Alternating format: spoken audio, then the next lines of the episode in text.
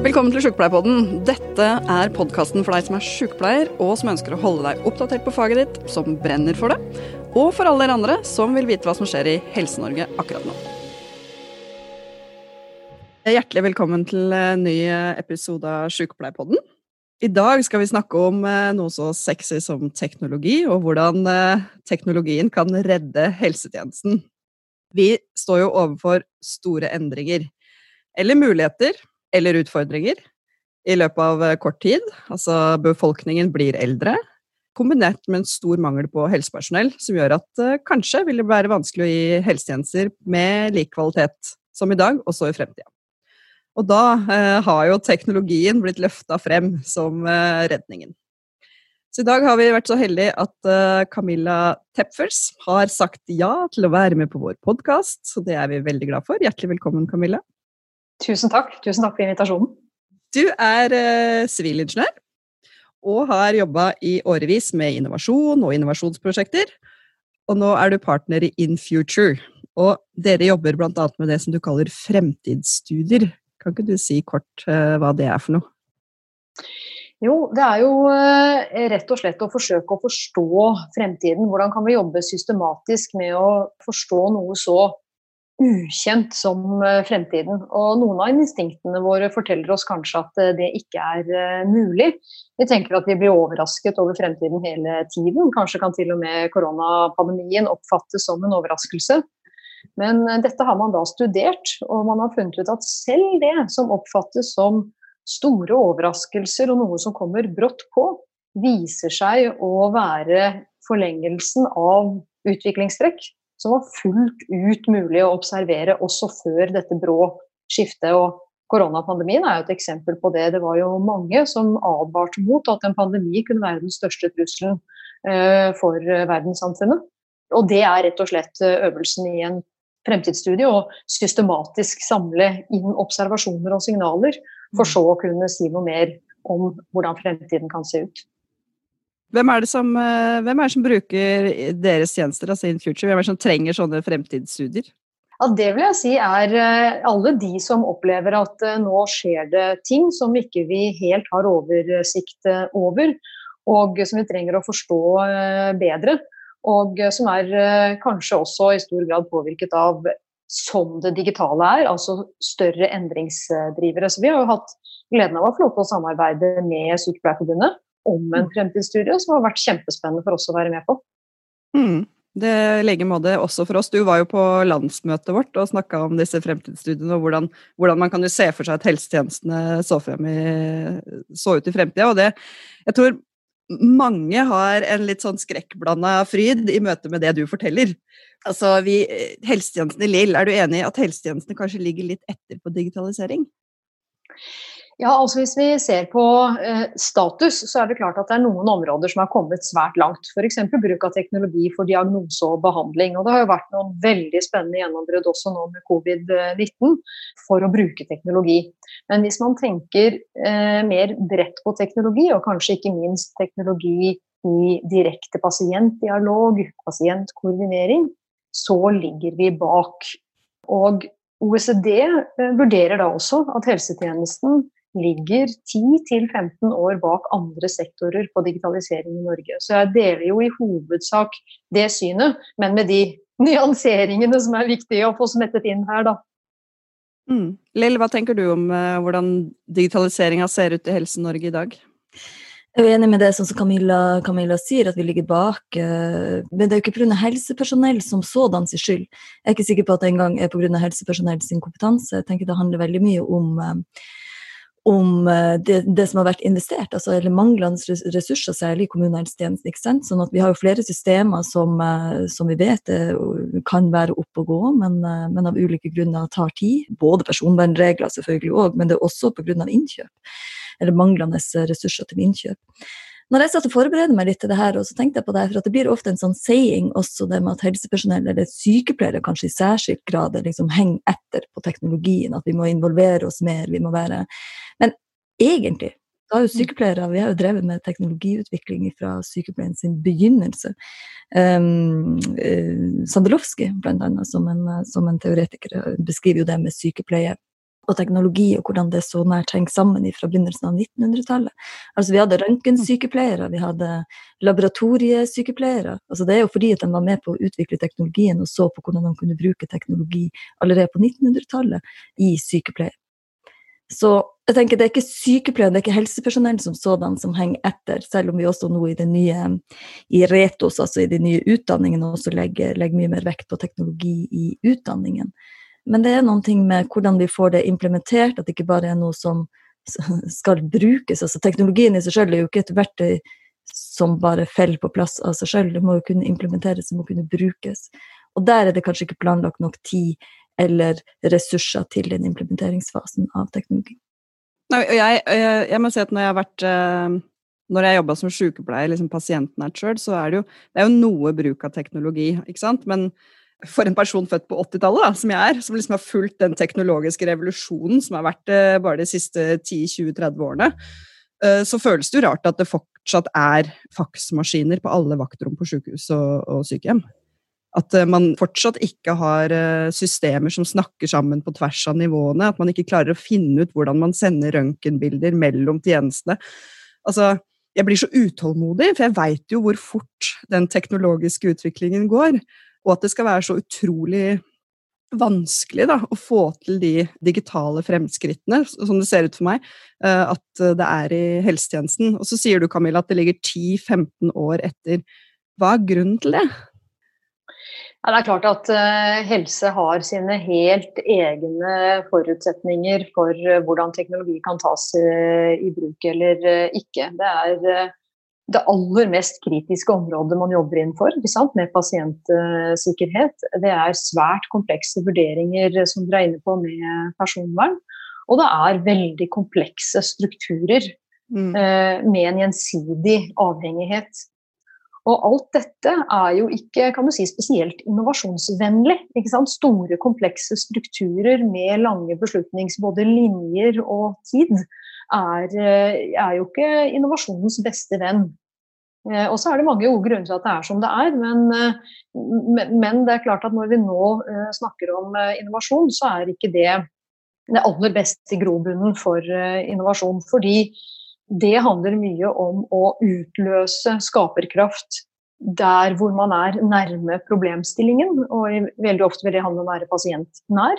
Mm. og så handler det jo selvfølgelig om også tverrfaglig kompetanse. Det kommer man seg ikke unna. Og det er jeg veldig glad for at dere nå nettopp peker på at kommet inn i utdanningen. Og det trenger vi bare mer av, tror jeg, mm. for å kunne få, få, til dette. Så det er jo en, en kompleks eh, sektor å få det, få det, til på, rett og slett. Men mm. det betyr ikke at vi da skal gi opp. Jeg tror at tvert imot, hvis vi stirrer for lenge på hindringene, så vil verden gå oss forbi. Og vi kan stå imot den utviklingen med kvalitetskrav i det norske helsevesenet lenge.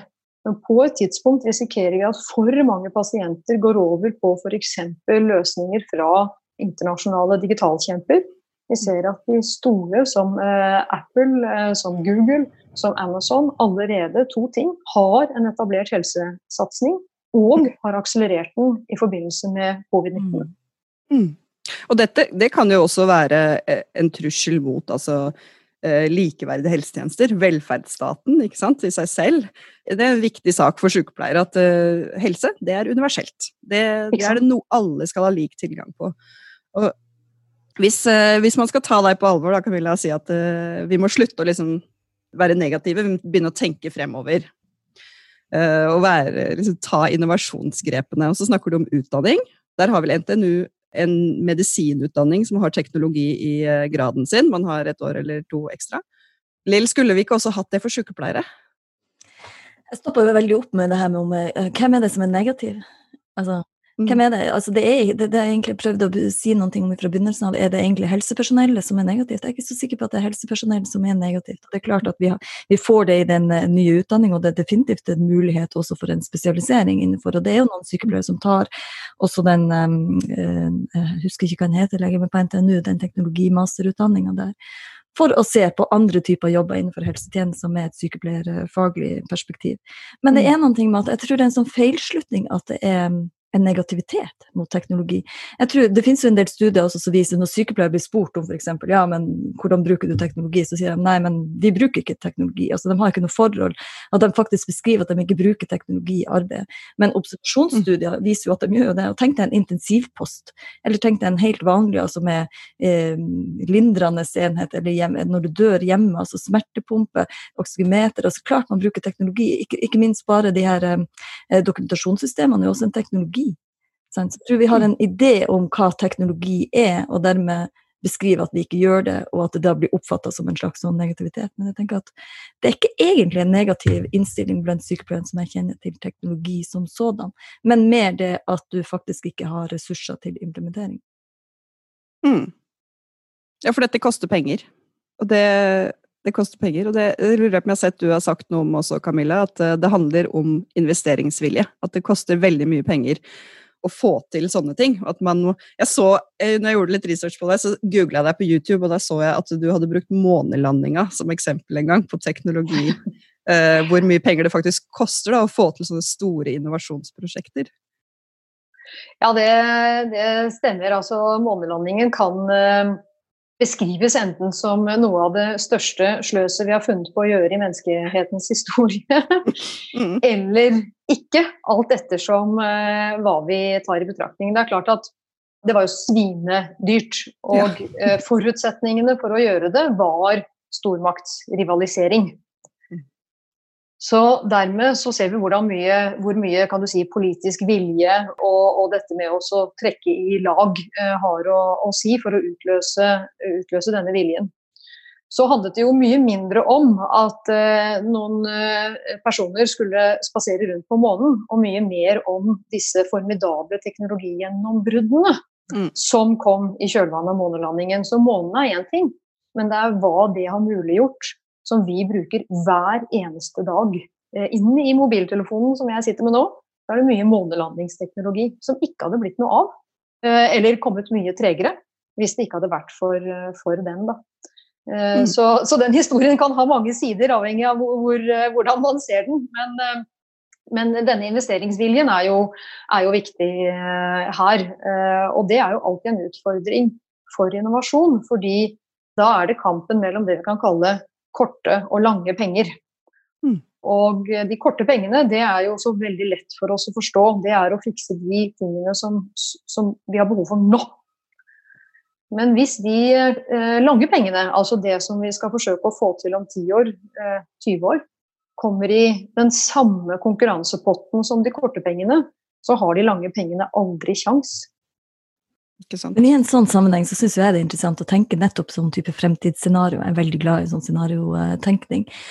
Og da Camilla, på, det, på landsmøtet som vi hadde i november 2019, så hadde du noen tanker om hvordan teknologi kan brukes i helsetjenestene uh, i framtida. Altså sånn, ikke, ikke, i 2021 uh, eh, og ikke kanskje 2030, men 2050. Altså, jeg elsker det måten du la det frem på. Kan ikke du si noen ting om det? Jo, gjerne. Jeg syns det var et veldig spennende prosjekt hvor vi samarbeidet uh, tett. Uh, og uh, det var jo flere punkter. Det ene er Hvis vi ser på digitaliseringen som sådan, så er det jo nettopp det at helsepleien skal være for alle. Og med fremvekst av digitale løsninger så kan man tenke seg et form for nytt utenforskap. Hvor det er en gruppe pasienter som ikke kommer inn på de nye løsningene. Så det er noe av det første, nemlig sykepleierens rolle opp mot pasienten til å være veileder i pasientdialogen og hjelpe til på å gjøre gode valg for pasienten eller brukerens eh, ståsted. Så det er mer rett inn mot eh, hvordan det kan se hvordan kan rolledelingen være. Men eh, hvis vi ser hva kan være bruksområder, så er det jo åpenbart eh, pasienten i sitt hjem. Og eh, videokonsultasjoner f.eks. har jo fått en veldig vekst i forbindelse med korona. Mm. Men det vi snakket om sammen i 2019, det var jo før korona. Og da kunne vi beskrive ganske mye og konkret på hvordan f.eks. noe vi kalte virtuelle sykepleiere. Jeg tipper at det kanskje fikk noen sånne hm, 'hva snakker vi om nå?'-reaksjoner. Eh, men, men, det er mindre ille enn det kan høres ut som sånn ved første, første øyekast. Og det er rett og slett ideen om å dyktiggjøre pasienten. Gjerne sammen med digitale, eh, altså eh, teknisk-medisinsk utstyr, ikke sant? hvor du kan ta ditt eget blodtrykk, få visualisering av hvordan dette utvikles over tid, og være tilgjengelig hele døgnet rundt ved hjelp av en digital løsning som du kan snakke med i naturlig språk, og som får kontinuerlig oppdatert kunnskap om akkurat den sykdommen og det sykdomsbildet du selv har. Så oppstår det det at du kanskje trenger direkte kontakt med eh, helsetjenesten ut fra de resultatene du sitter på. Og da vil typisk sykepleier kunne være den første kontakten som du da tar, være seg hjemmesykepleien eller eventuelt i forbindelse med et tidligere sykehusopphold. Og da vil sykepleier få både mye mer umiddelbar kompetanse, eller ikke unnskyld, kompetanse, men altså innsikt i mm. denne individuelle pasientens ståsted. Dette er målehistorikken på blodtrykk. Nå i det siste har dette gått helt i taket. Og vi ser også at det begynner å utvikle seg arytmi. Hva gjør vi med dette? Kan vi snakke igjennom om det er bare misforståelser, eller må vi over til en lege? Kanskje var ikke hjertesykdom det beste eksempelet, men det er jo mange kronikere som har andre eh, tilstander som eh, man trenger den helsekompetente personen som kan snakke gjennom resultatene. Og veldig ofte ta ned da eh, utrygghet og uh, uro hos pasienten som er uh, hjemme. Istedenfor at, blir, uh, at man føler seg alene og ensom med det, og så oppsøker man helsetjenesten Eh, noen ganger for sent, og noen ganger for tidlig. Hva om vi kunne mm. timet inn det bedre? Mm. Men hvor langt inn i fremtida tenker du at dette er? Nei, vil, vi, vi, skrev jo et fremtidsbilde frem mot 2030 da vi illustrerte den type ting. Eh, men dog med konkrete eksempler på at det foreligger allerede i dag. Virtuell sykepleier foreligger allerede i dag. Mm. Eh, sykehus uten pasienter foreligger allerede i dag. Men med koronakrisen så er dette blitt akselerert. Hvis vi ser mm. på videokonsultasjoner, så har det økt nå er det i og for seg tall fra USA, men det har økt altså med 3000 Sier det. Men det er jo akkurat det her jeg synes er utrolig interessant. for at Når du snakket om virtuell sykepleier, så ble det en del eh, diskusjon om det. Hva ligger det? For Da speiler det også tilbake til hva er en sykepleier. Eh, nettopp har det vært en artikkel, jeg husker, jeg husker ikke hvem det var som skrev det, men i Sykepleien som, om sykepleieren som legen sine øyne og ører. Sant? Og sånn så kan du si at En virtuell sykepleier her da også blir oppfatta som en um, legen sine øyne og ører. ikke sant? Med at du får gjort de målingene av en virtuell, altså av en maskin som gjør de målingene som legen da kan gjøre vurderinger knytta til behandling. Men det er jo, så, altså, det er bare en bitte, bitte liten del av sykepleien. Og det som forskning ellers har vist, bl.a. som Aud Obsfeller, og som, som, jeg, som, jeg, kjenner godt, og Anne Therese Lotterington, som har jobba med det her, en del av nettopp denne bindinga mellom teknologi altså, og, og, sykepleier. Så viser de jo hvordan um, intensivsykepleiere bl.a. reagerer på at um, legene For at de har jo fått de her målingene allerede. ikke sant? Det er maskiner som gjør det. De trenger ikke å gjøre målinger av oksygen, av blodtrykk, av flere andre parametere lenger eh, direkte og skrive det ned, sånn at legen kan se det. ikke sant? Det kan ses på en skjerm uansett, så legen kan sitte i et helt annet rom og gjøre de vurderingene ut ifra det. Og Da reagerer intensivsykepleieren på at ikke legen da, de legene eventuelt som ikke er interessert i å snakke med dem, for at det er jo så mye mye mer i sykepleien, bare de parametrene som kan leses av. Så dermed så blir det en sånn Hva er sykepleier? Det, det, går rett inn i de spørsmålene Silje, som jeg og du og vi andre diskuterer. Hva er sykepleier? Hva er sykepleieroppgavene? Hva er sykepleieransvaret? Og nettopp denne bindinga, altså den kombinasjonen av både de kliniske og de teknologiske observasjonene som ligger der. Så virtuell sykepleier er en del, en liten del av det. Og som er veldig veldig nyttig, fordi at det, særlig intensivsykepleieren som allerede bruker teknologi i stor grad, sier noe om at med at målingen gjøres automatisk, så får de så mye mer tid til å gjøre det andre aspektene ved sykepleier som er nær pasientsenga. Men så er det også en sånn greie om hva, hva er nettopp det med sykepleier. Det, skal det være attmed pasientsenga hele tida? Er det det som er sykepleier? Du må være attmed pasienten, eller kan det være noe annet? Og så er jo ikke det skrevet i stein. Nei, dette, jeg tenker at uh, alle kan jo bli litt redd for at jobbene våre skal bli liksom tatt over av en uh, robot. eller sånn, Man kan se fremtidsscenarioene som utspiller seg i en sånn sci-fi-bok. Uh, og så tenker vi at Virtuell forbundsledelse, f.eks. For ingen, ingen trenger oss lenger, fordi vi kan bare bruke litt uh, kunstig intelligens, og så lager den, programmerer den seg fram til hva vi ville svart. og, så, og, så, trenger man egentlig ikke det, for da kan du ha demokrati uh, gjennom kunstig intelligens. Mm. Nei da, men, men, hva er det liksom Hva er de teknologiske gjennombruddene fremover som vi tror vil påvirke helsetjenesten aller, aller mest, uh, Camilla? Jeg tror at uh, noe av det som virkelig vil påvirke, det er at maskiner kan uh, lære. Altså, fremdeles så er kunstig intelligens litt et uh, buzzord, og det er litt utydelig hva det er. Og det rammer, eller innrammer også ganske mye. Denne Molly, den virtuelle sykepleieren jeg nevnte, er drevet av kunstig intelligens i betydningen at du kan snakke naturlig. Og for oss så virker jo ikke det spesielt intelligent, det kan vi jo som mennesker gjøre veldig lett. For maskiner er det vanskelig. Mm. Men det er klart det er jo også det, og eh, hvis eh, man samler testresultater over tid, og så kan man se på dette individets utvikling over tid, og så kan man sammenligne med store kohorter, store grupper av andre lignende pasienter, og så begynne å få tidlig varsling eh, mm. og se mønstre som maskiner er knallende gode på, og vi mennesker er mye dårligere på det. Og da blir det, tror jeg, i større grad en arbeidsdeling. Så, så, så det scenarioet med at ja, maskinene kommer og tar jobbene våre, jeg føler at det, det er en, et blindspor. Mm. Uh, og jo raskere vi kan uh, slutte med den samtalen, og, og, heller komme over på hva er vi mennesker best på, mm. og hva kan maskiner gjøre oss enda bedre på, uh, jo bedre blir det. Og særlig for et yrke som sykepleier. Jeg er ingeniør selv. Og for en del områder innenfor ingeniøryrket så er det mye større andel av våre oppgaver som kan tas over av maskiner, enn det er for uh, sykepleiere. Så dere er jo en av de yrkene dere har en av de yrkene som er bare minst i sjangeren ta over oppgaver. Men avlaste, absolutt. Mm. Men for at man skal kunne avlaste, så må man selvfølgelig uh, ha teknologisk kompetanse og nysgjerrighet for å komme i førersetet på hvordan dette bør ta, ta form. Da. Og da tenker jeg sykepleieren for meg fremstår som den ultimate kontaktpersonen eh, mellom pasienten og det øvrige helsevesenet, og gjerne mellom pasienten og teknologien som pasienten selv skal bli trygg på. Altså Pasienten må selv komme gjennom en reise eh, mm. eller en utvikling for å kunne bli trygg på å bruke teknologi.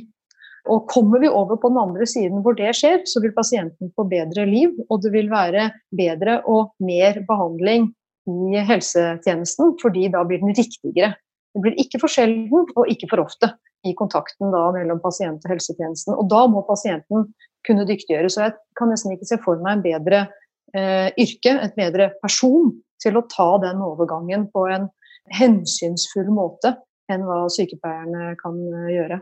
Det er akkurat mm. det som Norsk Sykepleierforbund og jeg og Silje og Kai Øyvind også, mm. også uh, mener noen ting om. Det er derfor dette er også et av de områdene som vi, uh, vi har fokus på i denne perioden som, som vi er på.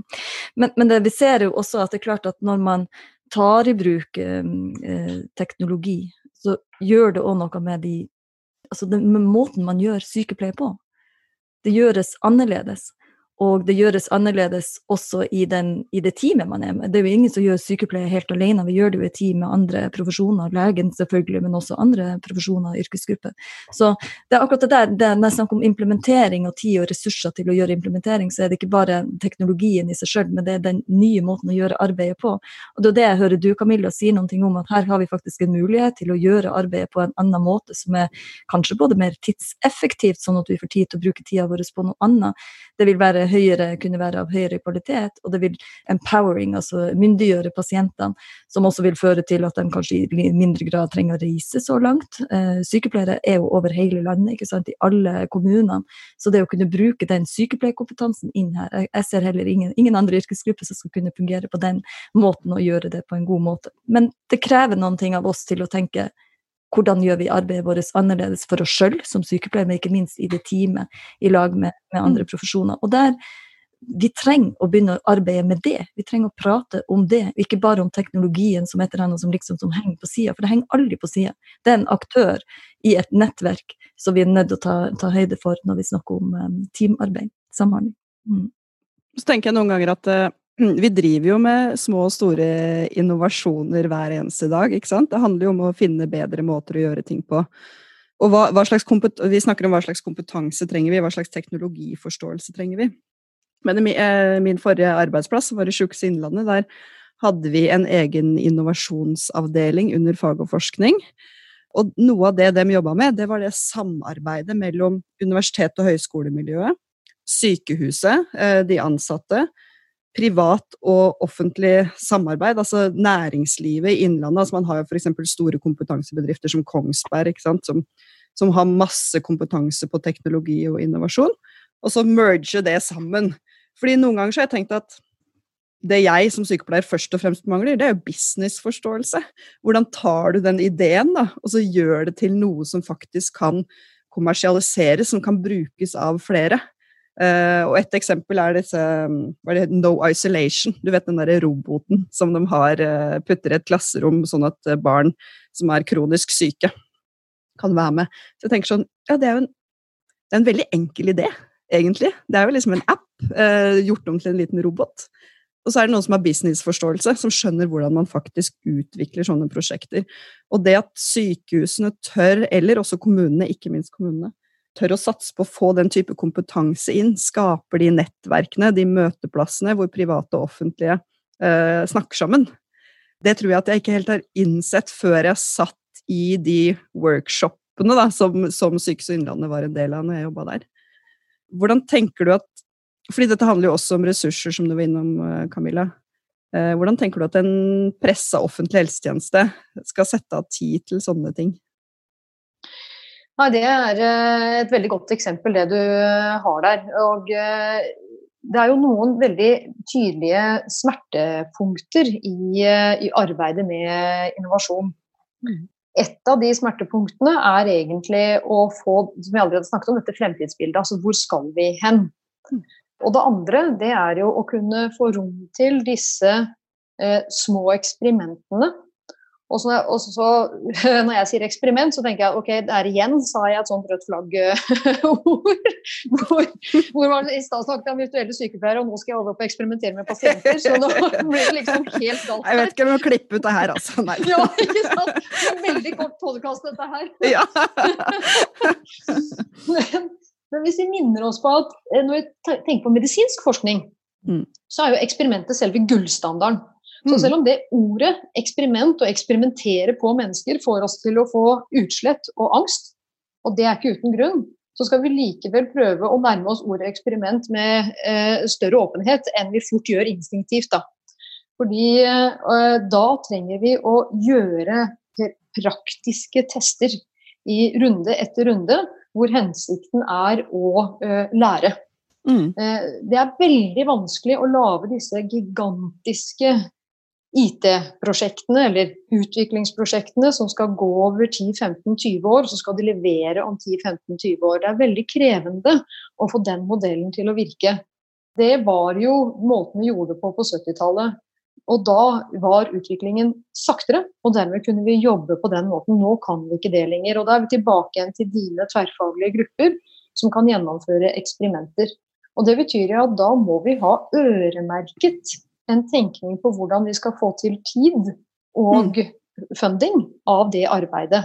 Mm. Og så har vi jo det neste smertepunktet. Det er ofte hvordan skal dette skaleres. Eh, hvor man ender litt opp med at vi gjør kanskje piloter. Og jeg mener at vi ikke, at vi ikke gjør noen piloter, så nå snakker vi om pilotsyken, så høres det ut som vi gjør ufattelig mange piloter. Mm. Eh, så det kan man diskutere, men uansett så betyr det i hvert fall at vi ikke klarer å skalere like mye som vi hadde tenkt. Og Der hadde det vært veldig interessant å se om man kunne gi en form for skaleringspremie til offentlig sektor. Altså incitamenter eller motivasjoner for at eh, punkt én, steg én, det var denne, dette fremtidsbildet som vi snakket om. Steg to er å identifisere hva skal vi da eksperimentere med å gjøre annerledes. Altså jeg har sagt på en annen måte, tilbakeskrive den fremtiden til en nåtid og si hva kan vi begynne å gjøre annerledes allerede i dag. Og så utløse et sett av eksperimenter med det. Og så er det noen av disse eksperimentene som er så vellykkede at når man tar inn læringen fra dem, så kan de skaleres. Da kommer vi over på en etappe to. Og her kan offentlig sektor ha en veldig styrke. Fordi man ikke konkurrerer med hverandre. Som betyr at det dere gjorde på deres sykehus, kunne man ta inn i et annet sykehus. Og man trengte ikke å finne opp kruttet på nytt igjen i det sykehuset, for dere hadde erfaring. Mm. Så, da, så, hvis man ble belønnet for både å være førsteanvender, førstebruker, og så bli belønnet for å være andre anvender, mm. eh, for å være den som raskt tar tidlige løsninger i bruk, mm. så kunne man rett og slett forsøke å, å få frem da, at det er hensiktsmessig at noen tør å gå tidlig, noen tør å gå nest først. Og så kan man da eh, skalere det etter hvert. Og da får man bevisene. ikke sant? Da begynner man å få konkret erfaring, konkrete beviser på hva som virker og ikke virker. Og da blir det lettere at man kan få skalert i den større massen etterpå. da. Mm. Her har du snakka med helseministeren om òg, for eh, Bent Høie sier akkurat det samme. Nesten ordrett. Herlig. Ja, men da, er det, da får vi håpe at det blir sånn nå, da. ja, så bra. Ja, fordi hva skal til for å, at det skal bli sånn? Det, jo, det, handler jo om politikk, selvfølgelig, men det kan bli litt sånn eh, ja, At det ikke blir så konkret. da, Hvordan får vi det til ikke sant, i sånne trange eh, rammer? Og byråkrati, ikke minst, som, som du var innom i stad, Lill, at, at, det kan være lange linjer i, i helsevesenet. Men, men, jeg tenker det er veldig viktig, som, eh, som Camilla sier noen ting om, at um, alle trenger ikke å finne opp kruttet på nytt. Sant? Det er jo ikke det er liksom innovasjon å tenke at det skal være noe stort og et eller annet. Det, det, det, det er jo gjort veldig mye bra allerede nasjonalt, men også internasjonalt. Så det å være, det å være tørre å være første gang, altså den som finner opp gründeren her, er én ting, men det å tørre å ta det i bruk som andre gang, og få, um, få, dokumentasjon og rapporter på det, på hva som fungerer eller ikke fungerer. Um, har dere besøkt sykehuset i Østfold? Vi har jo prata om det, Silje, det kunne jo vi tenkt oss å gjøre. Vi har jo ikke gjort det. Jeg har ikke gjort det. Uh, med de, um, de innovasjonene som de har, og de um, for de beskriver jo at det, det er jo mye bra, særlig knytta til opplæring, har jeg forstått fra sykepleien. Altså, og sykepleien er de som bruker den virtuelle opplæringa i størst grad av alt helsepersonell òg. Mm. Som det at du kan gå sant, med VR-briller, at du kan gå inn og at du kan uh, gjøre oppgaver eh, før du i det hele tatt begynner på din første mm. vakt. Sånn at du gjør deg kjent med hvor er lageret, hvor er medisinrommet, hvordan er det du registrerer, hvordan leverer du ut medisiner, f.eks. For, for de har jo òg det her systemet med eh, skanning av um, eh, armbånd på pasienten ikke sant? med den medisinen du skal gi ut. Så det er flere ting, sånne type oppgaver som man da har en virtuell opplæring før de begynner på sin første dag. Det er veldig veldig bra. Men de beskriver òg, ut fra de sykepleierne har snakka med, så beskriver de jo òg det her med en del barnesykdommer, at det tar så lang tid i programmene nå. Hvis de ser at her er det noe feil, så tar det liksom to til tre år før den feilen blir retta opp. Lang, lang tid. Og det at de heller i liten, i liten grad har vært med i utviklinga av systemene på, så det er ikke tilpassa nødvendigvis igjen sykepleieroppgavene, det måten vi gjør sykepleie på. Så når sykepleierne ikke har vært med og utvikla det, eller vært med i prosessen, så passer det ikke nødvendigvis til måten vi gjør sykepleie på. Mm. Og det er derfor disse tverrfaglige teamene er så utrolig viktige. ikke sant? At uh, at man kommer inn med ulik kompetanse. Jeg tenker at sånn rent teknologiprosjekt med bare teknologer, det vil jo ikke løse det vi er ute etter å løse. Fordi hvor er eh, sykepleierperspektivet, hvor er pasientperspektivet, hvor er logistikkperspektivet, hvor er samfunnsperspektivet? Altså det der, det der når du setter sammen grupper av folk som har ulike, ulik kunnskap, ulikt perspektiv, at du kan få til ting som faktisk endrer, da, tror jeg. Og jeg, jeg ønsker det så inderlig, at vi får flere sånne arenaer hvor, hvor, vi møtes litt på tvers av kompetanse og Altså, i Norge så, så er vi litt sånn vi, vi, flyter litt i våre egne grupper, ikke sant? At man kjenner de samme folka, og du, du har studert på de stedene, og så, og så, klarer man ikke helt å finne den derre uh, arenaen hvor du møtes og, og kanskje løser oppgavene sammen. Og det, det, tror jeg er kjempeviktig akkurat når det gjelder den eh, teknologiske utviklingen. Mm. Eh, du har skrevet en, eh, en kronikkserie i Aftenposten Camilla, sammen med Håkon Haugli om digitale dilemmaer. Mm. Hva, hva er det for noe?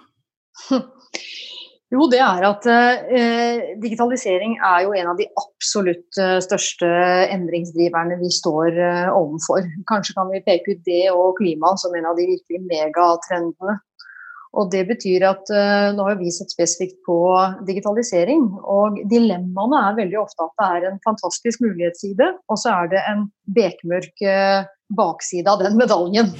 Så, uh, og så er det avskygninger da mellom det første nirvana og, og denne bekmørke alternativet. Så er det hele, kan du si, utstrekningen mellom de, de områdene. Og Eh, der berører vi har vel ti kronikker eh, i den serien, så der berører vi jo en lang rekke problemstillinger. Jeg snakket om kunstig intelligens i sted, og det berører vi bl.a. Eh, tydelig i, i, den.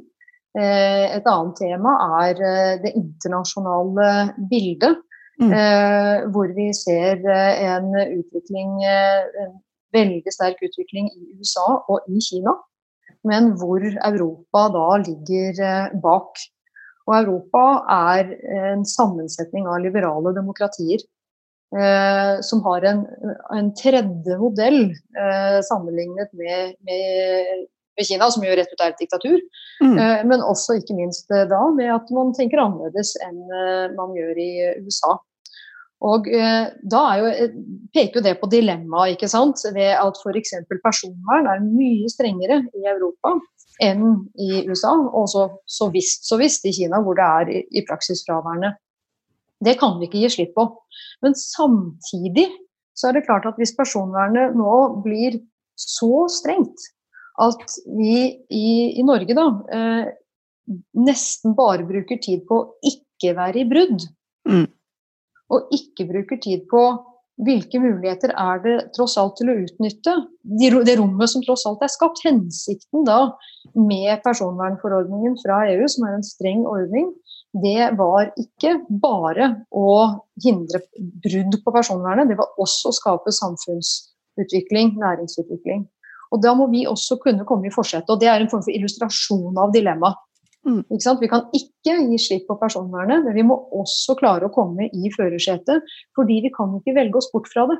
Hvis vi skynder oss veldig, veldig sakte her nå i eh, Europa, i Norge, med norsk, norske verdier og norske eh, målsettinger om hva helsetjenesten skal være, så risikerer vi at verden kommer så langt at vi ikke klarer å få være bestemmende selv lenger. Jeg var med i Arendalsuka i fjor, da den fremdeles ble arrangert. Nå blir det jo ikke det i år eh, av naturlige årsaker. Og eh, var en liten debatt om, eh, om, dette. Og da, hvis vi ser for oss at eh, kunstig intelligens, som jo brukes i stor grad til diagnose Hvis vi med et fullstendig gjennomgående brudd av personvernet finner en algoritme i Kina for å kunne diagnostisere en bestemt krefttype bedre enn hva tidligere har forelagt slik at det faktisk redder liv. Hva gjør vi da i Europa? Mm. Benytter vi oss av den algoritmen, eller gjør vi det ikke? Det er jo en del av denne diskusjonen også denne Smittestopp-appen. Smittesporingsappen som heter Smittestopp, tror jeg. Mm. Um, som kom nå knytta til covid-19. COVID som selvfølgelig, Det er jo det dilemmaet mellom hva er det vi skal gjøre. Skal vi redde liv gjennom eventuell smittesporing, men samtidig som du skal overvåkes, rett og slett. Det er jo det vi gjør gjennom den. Så det er, og det, Der er jo òg sykepleiere. Jeg tenker at Der kan sykepleiere i langt større grad også bidra med de etiske perspektivene eh, inn på hva det betyr, men også, også med det som du, Silje, begynte noen ting med, med helsetjenester tilgjengelig for alle. For mm. etter hvert som det kommer, så blir det tilgjengelig for noen. Men hvem det blir tilgjengelig for? Eh, så skal det være tilgjengelig for alle, så må vi, må vi hjelpe til med det også. Da må vi ta de etiske diskusjonene på det. Også med type på dem som har økonomi til det. Kjøper mm. de tjenestene uansett. Så det er nettopp at det, det handler om de private og offentlige helsetjenestene òg. Mm.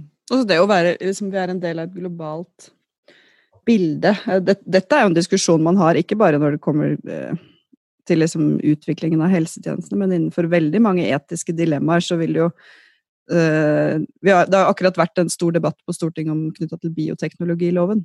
Mm. Det er definitivt et medisinsk dilemma hvor du egentlig Du kan jo bare reise til et annet land, og så, så kan du jo både velge kjønn og se på eh, egenskaper ved fosteret og sette inn hva du vil. Ikke sant? Det, det er, eh, og vi lever jo i en global verden, og vi kan jo ikke helt lukke øynene for det.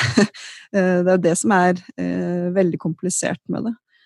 Så hvis vi da holder den etiske standarden så høyt at vi blir gående etter, hva er konsekvensen av det, da?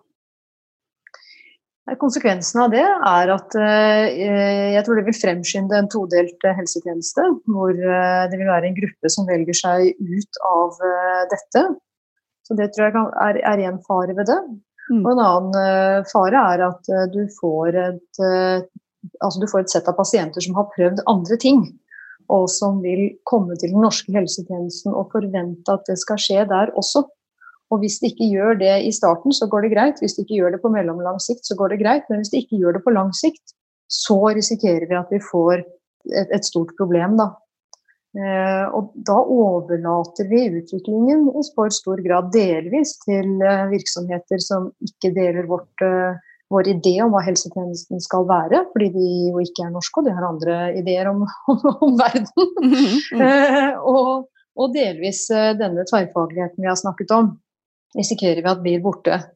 Eh, så jeg er helt enig. Altså, jeg, opplever at eh, når man skal ta etiske hensyn, så kan man tenke at det skal gjøres på to måter. Man kan tenke at man setter sammen et team som man kan oppfatte som flerfaglig. Altså at det er noen som er teknologen og kan det.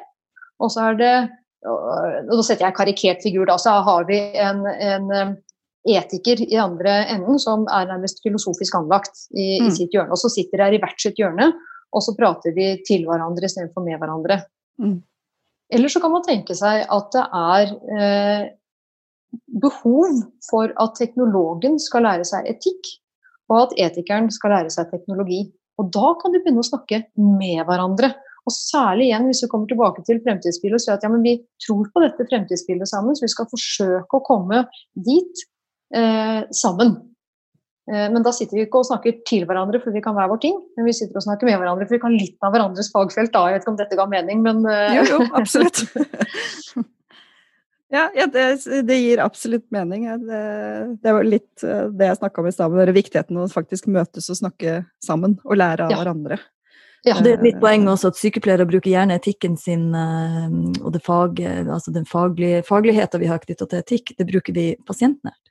Men den å løfte det på et mer overordnet nivå. At hva betyr det faktisk i et samfunnsperspektiv? Hva betyr nettopp det eh, man, så, Som Camilla er inne på, som vi har snakka om før, altså den todelinga av eh, Noen kjøper de tjenestene uansett. Hva betyr det her?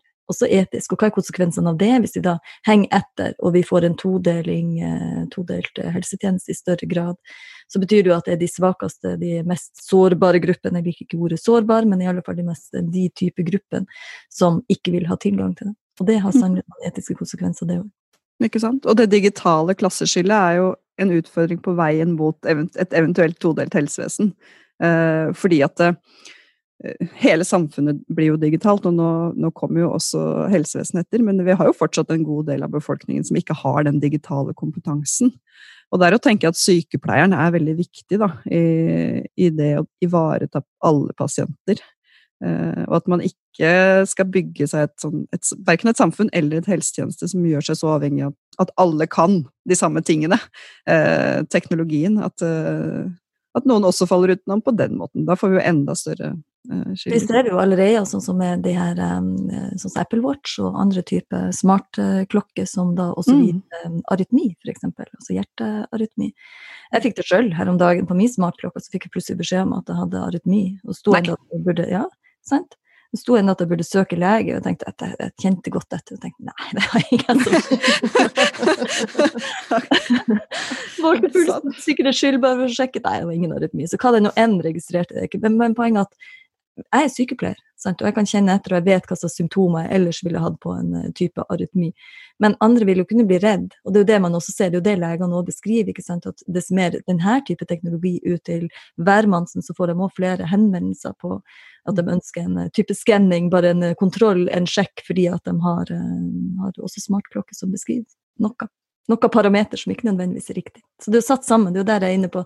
Det må settes sammen med den teknologien og de, de parametrene og målingen der, med de kliniske observasjonene. Og der kan sykepleiere være det nøkkelpersonell og det bindeleddet.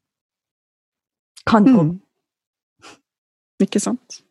Men du, helt, eh, helt på slutten Camilla, men du som har den kjennskapen til teknologi og også helsetjenesten da, som du har. Hvis du skulle utfordra sykepleierne, hva, hvor er det vi skal være på ballen? Hva er det som, er det som skjer framover nå, som vi må, vi må være mer på? Altså jeg vil jo si at uh, nå som uh, vi har gjort oss en del for lyndigitalisering på en del uh, områder, så har det gitt en medvind. Og noe av denne medvinden kom jo selvfølgelig av at vi ble tvunget til det, så det var nå én ting. Men det har også vært det at vi har gitt hverandre litt tilgivelse. Eh, så når nye løsninger kommer, og så kløner vi litt til, og så ble det litt rart det, det, Uten å nevne navn, men det var vel kanskje gjesten i studioet deres i dag som hadde litt problemer med å komme seg på plattformen. i gang i dag.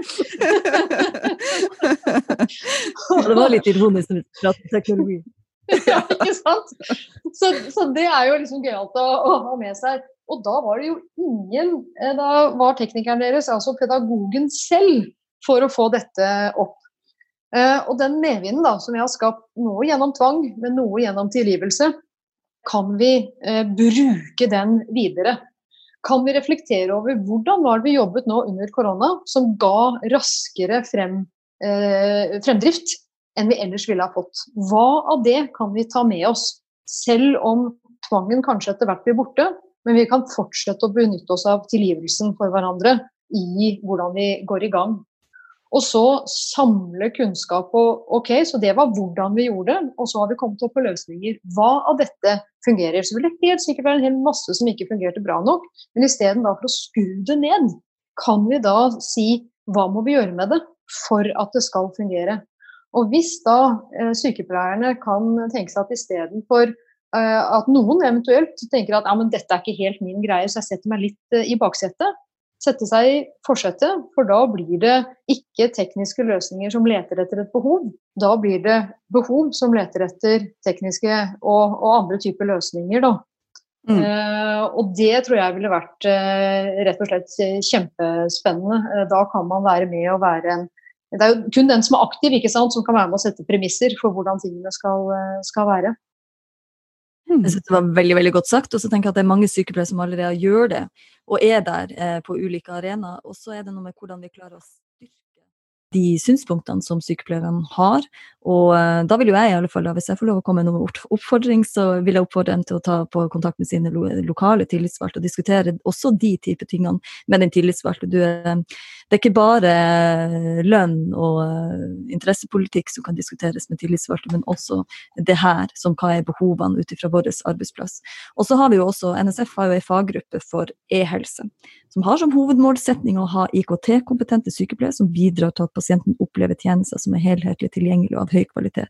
Det er faggrupper som jeg tenker alle sykepleiere egentlig burde være medlem, eh, medlem i.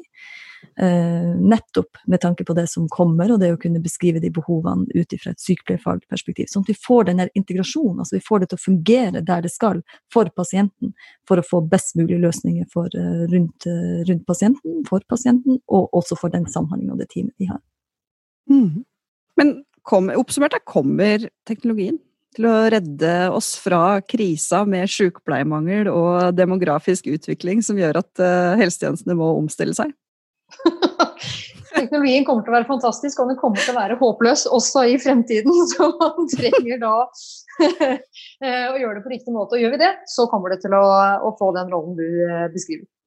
Ah, det høres helt fantastisk ut. Jeg er helt sikker på at det kommer til å komme veldig mye gode løsninger i fremtida. Tusen takk for at du tok deg tid, Camilla. Kjempegøy å være med. Takk skal dere ha.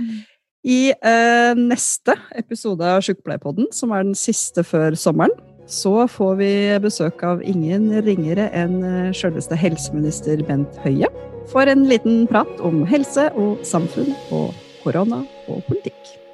Det blir hyggelig.